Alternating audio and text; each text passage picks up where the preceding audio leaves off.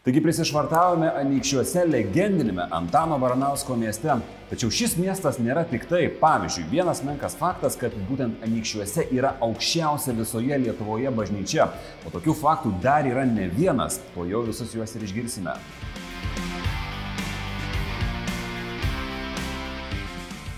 Taigi šiuo metu esame istorijų dvarelėje Anykščiuose ir šalia manęs sėdi Kristina Beinorytė, Anykščių turizmo klasterio atstovė ir gidė. Sveiki, Kristina. Sveiki. Tai pirmiausiai pradėkime nuo šios vietos. Kur mes esam ir kuo ypatinga yra ši vieta, nes ji vadinasi ne tik istorijų dvareliu, aš kiek suprantu. Taip, mes esame Okuličiūtės dvarelėje, viename seniausių Anykščių pastatų, stovinčių įspūdingiausia turbūt vietoje, krantinėje ant Šventosios upės kranto, pačiame miesto centre.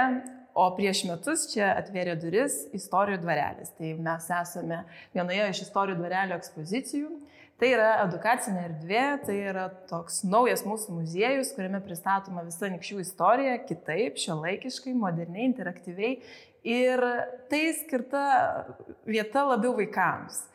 Ir ne tik vaikams, žinoma, tėvams čia taip pat labai patinka. Tai galima čia viską liesti, čiupinėti, žiūrinėti, patiems išsiaiškinti įvairiausių dalykų ir turi šitas dvarelis tokią paslapti, kad Rusija gyvena vaiduoklis. Koks kino? Nu, vat reikėtų ten pakviesti, apsilankyti žmonės, išsiaiškinti. Jis kartais pasirodo tikrai. O kaip jūs ten sakėt, sveikinasi Anykštėnai, prieš tai minėjot? Mes visada sakom, keliam nykščius už anykščius. Tai... Fantastika. Kas yra populiariausia Anykščių vieta šiuo metu? Ką jūs laikytumėt?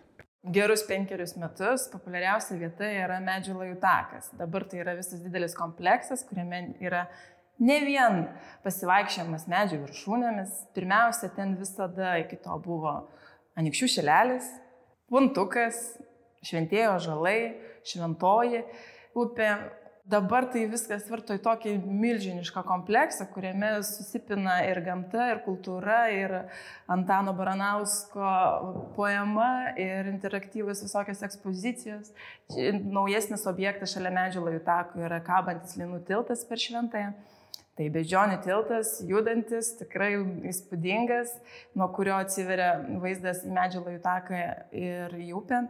Ir dabar ten jau kitoje to tilto pusėje yra naujasis dviračių pečių takas, vedantis iki karalienės liūno, tokio vieno iš legendinių objektų. Šiek tiek norėčiau įsiplėsti apie Antano Baranausko, yra memorialinis muziejus, yra klėtelė, ar ne? Ką žmonės ten galėtų pamatyti, nes iš tikrųjų anykščių šilelis ir anykščiai yra du vienas ir tas pats praktiškai dalykai, ar ne?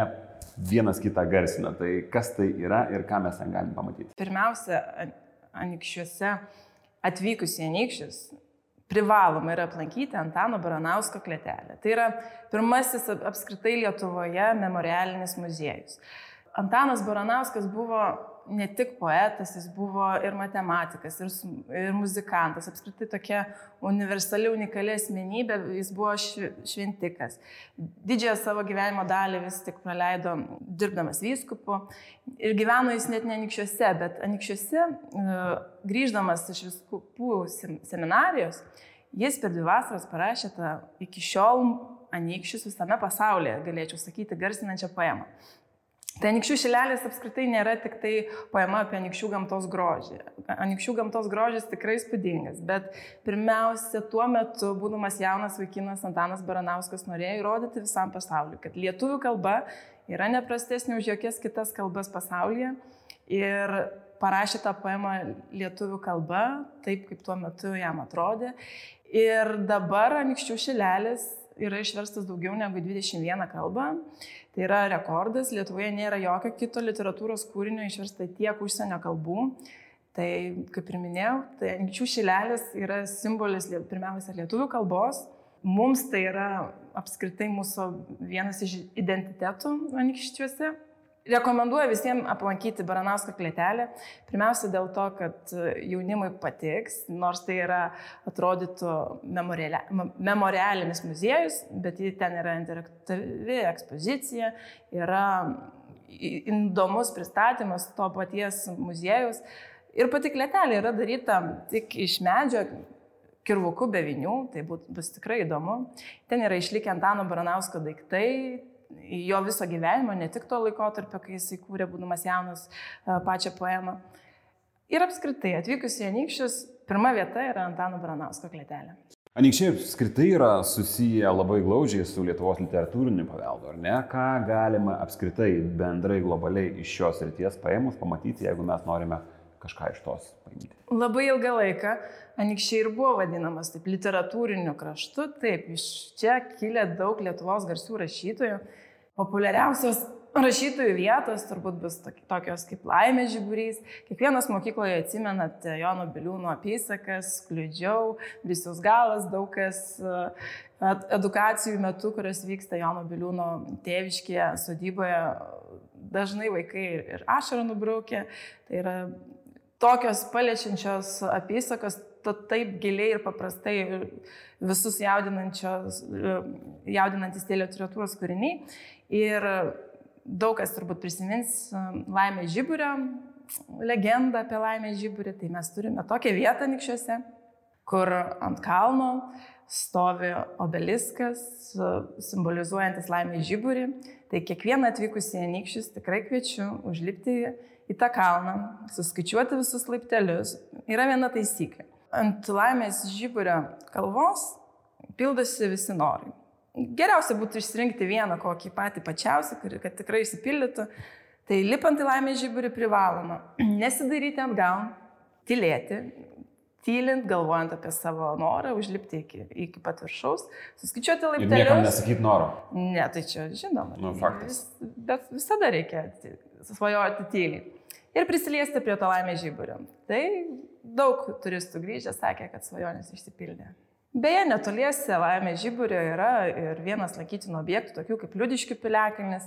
Ankščiuose yra ne vienas piliakalnis, tai pats pats lankomiausias piliakalnis būtų šeiminiškėlių, kitaip vadinamas Vorutos piliakalniu. Toje vietoje dabar yra visas istorinis kompleksas. Galima užlipti ant paties piliakalnio, pasižiūrėti, pasižvalgyti, kur čia galėjo būti ta karaliaus Mindaugo pilis. Nors istorikai kai kurie kritiškai žiūri į šitą mintį, kad tai būtent buvo paties karaliaus Mindaugo pilis, bet mes tuo tikrai teikim, kad Voruta buvo karaliaus Mindaugo pilis ir ten dabar yra istorinis kiemelis, viduramžių žaidimais, labai gera vieta tiek suaugusiems, tiek vaikams, galima šaudyti iš lankų, žaisti įvairius tų laikų žaidimus ir susipažinti apskritai su Lietuvos viduramžio istorija ir su mūsų karaliumi. Tai žodžiu, kai niekas visas pasaulis netiki, tai Anikštėnai yra, čia tikrai buvo, mes tvirtai ar ne? Nesakyčiau, kad visas pasaulis netiki. Tiesiog daug kas norėtų, kad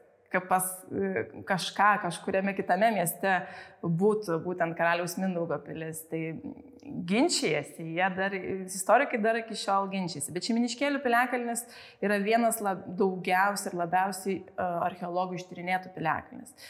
Tai visoje turbūt rytų Europoje, Lietuvoje tai yra unikali vieta ir negalim nuginčyti, kad tas piliakalnis nėra toks reikšmingas. Jis yra labai reikšmingas Lietuvos istorijai, mums anikštėnams ir žinoma, turistai dabar turi ką ten pamatyti ir kuo užsimti. Grįžtant prie rašytojų ar mieste įvairiose vietose, aš mačiau ne vieną paminklą jūsų mieste, čia atvažiuojant, ar galima pamatyti įprasmintą rašytojų palikimą paveldą? Žinoma, tai vos atvykus į Anikščius, e, persikalus per upę, vienoje pusėje e, yra paminklas Antanui Baranauskui, kitoje upės pusėje yra paminklas Antanui Vienuoliui, tai jie taip rymo, žiūri į mūsų miestą, stebi upės tiekmę, iš tiesų čia uh, viskas yra labai pasikeitę nuo jų gyvenimo laikų, dabar anikščiuose veiksmų yra daug, o anksčiau turbūt jis buvo ramesnis kaip upės tiekmė. Labai literatūriškai pasakėte. E, iš architektūrinės pusės e, Anikščiuose, ką galima pamatyti? Visada pamatysite vos įvažiavę į Anikščius ir tai reikšmingiausia ir įspūdingiausias vaizdas yra Anikščių Švento Mato Evangelisto bažnyčia. Ji yra aukščiausia Lietuvoje. Jos bokštai siekia net 79 metrus aukščio, o tai... Nėra, nėra aukštesnė. Taip, tai yra pati aukščiausia Lietuvoje bažnyčia. Neogotikinio stiliaus, tokio stiliaus bažnyčių Lietuvoje yra daugiau, bet vis tik ši yra pati aukščiausia. Ir daugam kiltų klausimas, kodėl tokiame mažame mieste tokia didžiulė bažnyčia.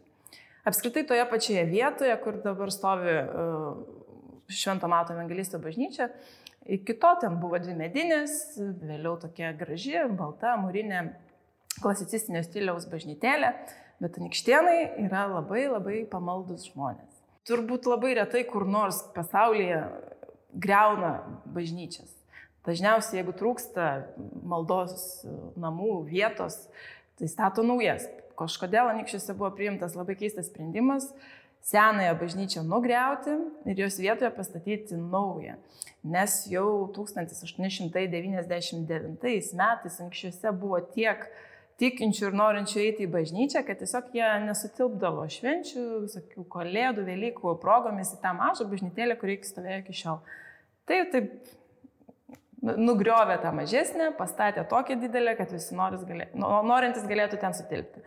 Tai mūsų bažnyčia pastatyta 1914 metais, turėjo visokių negandų, pirmas pasaulinis karas, o kai ją pastatė, jinai buvo gražesnė, jinai buvo aukštesnė, jos bokštai siekia 84 metrus, bet per pirmąjį pasaulinį karą vokiečiai susprogdino tos bokštus ir vėliau jau atstatyta jinai tokia, kokią dabar matome. Tai įspūdingas architektūrinis statinys, taip pat dabar ten yra įrengta apžvalgos aikštelė.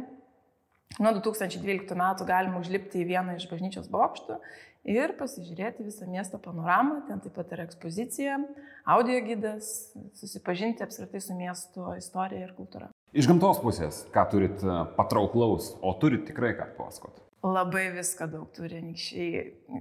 Tai pirmiausia, toks gamtos perlas yra Rubikių ežeras.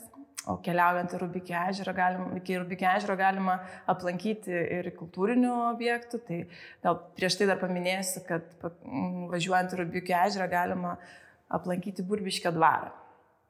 Labai žmonės painėja Burbiškio dvarus. Yra vienas Burbiškio dvaras Radviliškio rajone, ten ieško visi tulpių, tai pas mus kartais irgi atvyksta iš tolimų kraštų, supainė ir ieško čia tų tulpių, bet mūsų burbiškio dvaras yra kitoks. Ir jūs nuleidę galvos, turite pasakyti, ne, ne tas. Ne, bet jiems tikrai čia patinka. Ir tai yra įspūdingas, didingas dvaras. Galima ne tik jį aplankyti, pasivaikščioti ir užsisakyti ekskursiją po patį dvarą, Tai yra XIX amžiaus palikimas, tikrai vienas senesnių apskritai išlikusių tokių dvarų, jis yra restauruotas, dabar jau prikeltas naujam gyvenimui. Pats Burbiškio parkas yra taip pat labai gražus, turintis įvairiausių keistų turbūt skulptūrų, aš jų nepaminėsiu, rekomenduočiau nuvykti ir pasižiūrėti, nes šiek tiek nustebins. Ir jis yra įsikūręs ant Anykštos upelio kranto, o Nikštas upelis išteka iš Rubikio ežero. Iki Rubikio ežero atkeliauja siaurukas.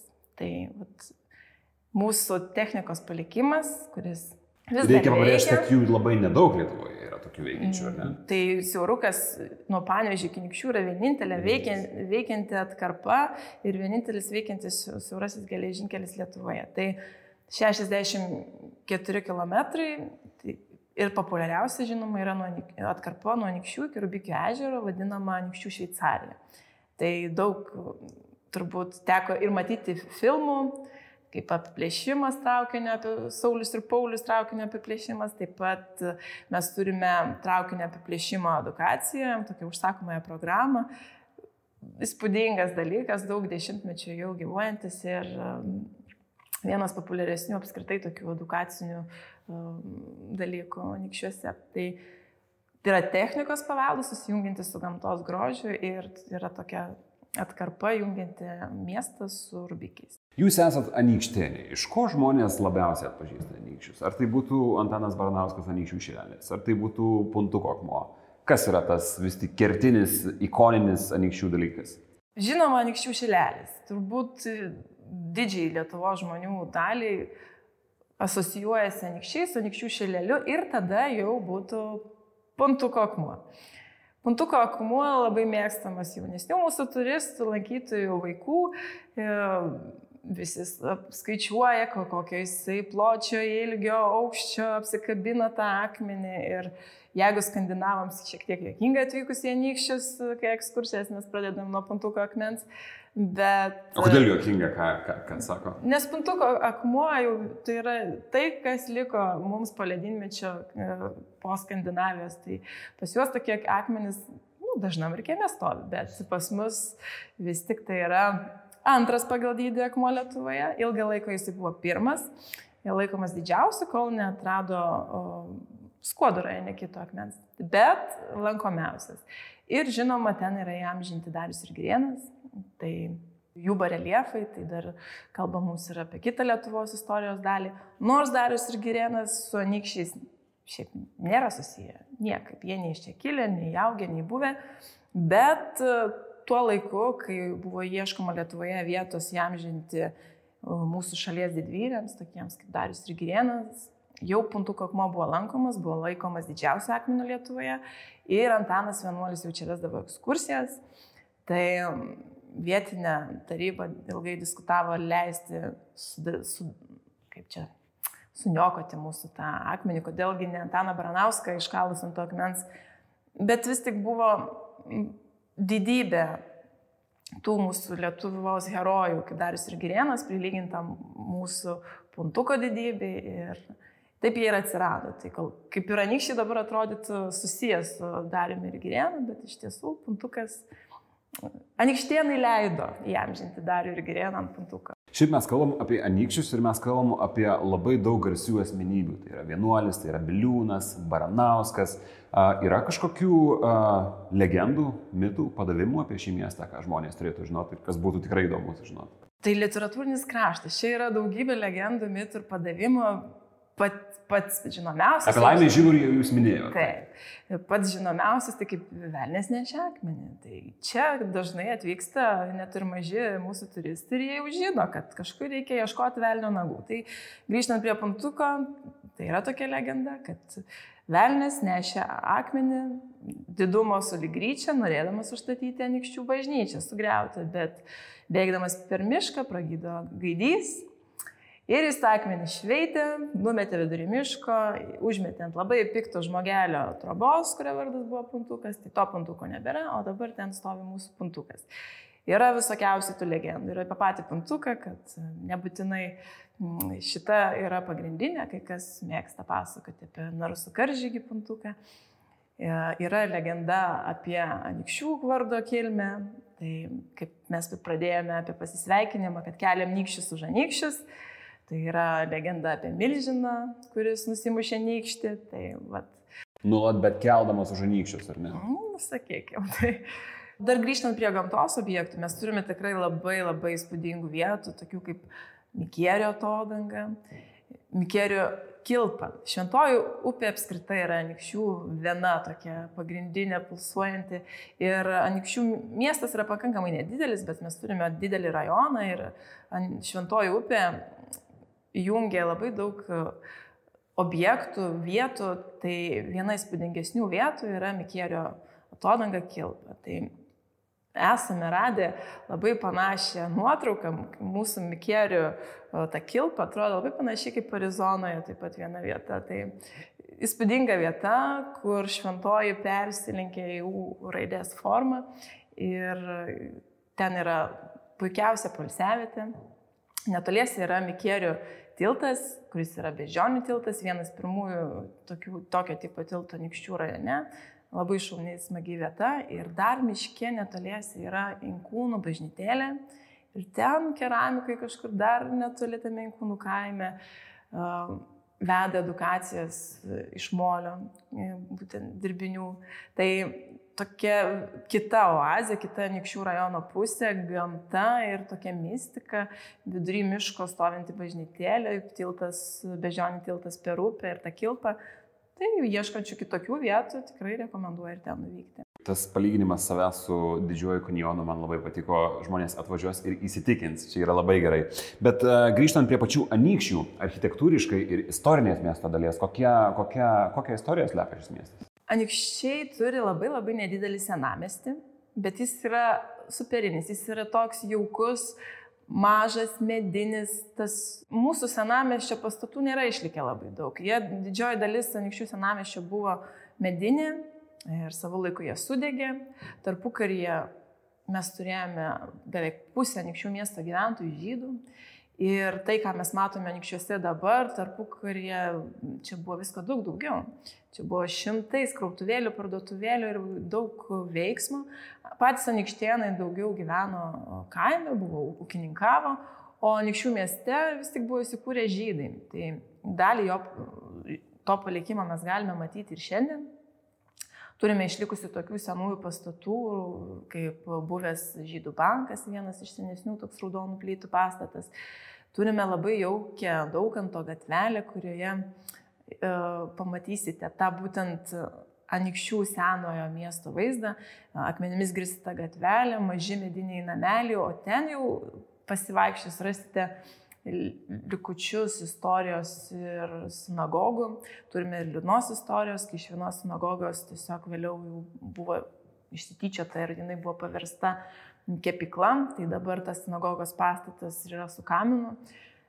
Yra kelios sinagogos, kurios jau tiesiog pakeitė savo paskirtį ir jos perdarytos ir atrodo kitaip. Bet e, dabar tas senamistis yra pakankamai gyvas, mes turime ten puikių kavinukių, kavinių, nuo itališko tipo iki šokoladinių, kur e, tikrai atvykę žmonės mėgsta pasivaikščioti. Pati miesto istorija prasidėjo nuo Anikščių dvarvietės, toje vietoje, kur prasidėjo miesto ištaka, šiuo metu stovi Aleksandro Nevskio cerkvė, vienas senesnių apskritai pastatų Anikščiuose. Taip pat yra du labai įdomus objektai. Tai yra regioninio parko lankytojų centras, kur yra ekspozicija apie visą anykščių gamtos grožį. Interaktyvi ekspozicija, labai įdomi ir kur galite atvykti patys, užsidėti ausinukus, pasiklausyti legendų, pasižiūrėti įvairiausių dalykų apie anykščių istoriją ir gamtą.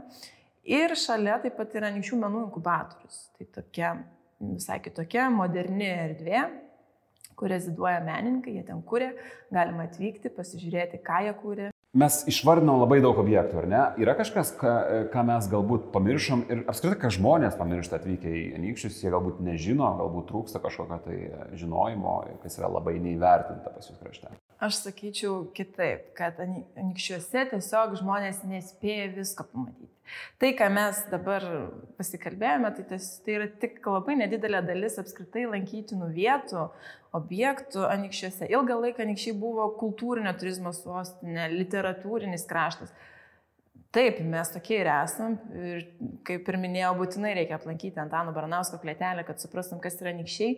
Bet jau geri penkeri metai anikščiuose labai labai smarkiai plečiasi pramogų sektorius, lais, aktyvaus laisvalaikio vietos. Atvykus į Anykščius visada rekomenduoju pasimti dviratį ar elektrinę transporto priemonę ir apvažiuoti tuos mūsų įspūdingus dviračių takus, jungiančius abu Šventosios upės krantus, susipa, pas, pasigrožėti tą anykščių gamtą Ir galima taip pat e, mūsų dviračių takai jungiasi su lankytinais objektais ir aplankyti kai kurias vietas. Yra garsusis Arklio muziejus. Muziejų apskritai anykščiuose. Daug kas yra buvę, bet jie tikrai atsinaujina, pasitobulina, ten yra ir edukacijų centras, e, įvairiausių įdomių dalykų, ne tik su, su žirgais, bet apskritai su mūsų kultūra. Tai yra viena pagrindinių edukacinių programų apskritai anykščiuose kaip duonos kepimas, danelės kepimas, tai yra aukštaitiškos sodybos, kuriuose galima susipažinti su šitomis mūsų tradicijomis. Muziejų anykščių rajone yra net 11. Tai ne tik Antano Baranausko, Jono Biliūno, Bronės Buividaitės, Angelų muziejus, Sakralinio meno centras, mes dabar esame istorijų dvarelėje, kuris yra taip pat edukacinė erdvė. Žodžiu, Vien iš kultūrinės pusės jau yra ką aplankyti. Nepaminėjau, kad Anikščiai nuo 2007 turi e, kurortinės teritorijos statusą ir labai aktyviai siekia kurorto statusų. Tai aš tikrai tikiu, kad tai jau nebe didelio laiko klausimas, kada Anikščiai taps jau pilnaverčių kurortų, nes čia yra viskas. Jūs esate fantastiškas savo krašto ambasadorius, nes aš pamatęs visą šitą mūsų pokalbį, aš tikrai norėčiau, žvelgiant kitomis akimis, atvykti ir apsilankyti čia ir viską pamatyti. Tai ačiū Jums labai už pokalbį. Ačiū Jums. Būtinai apsilankykite. Projektą finansuoja Europos regioninės plėtros fondas.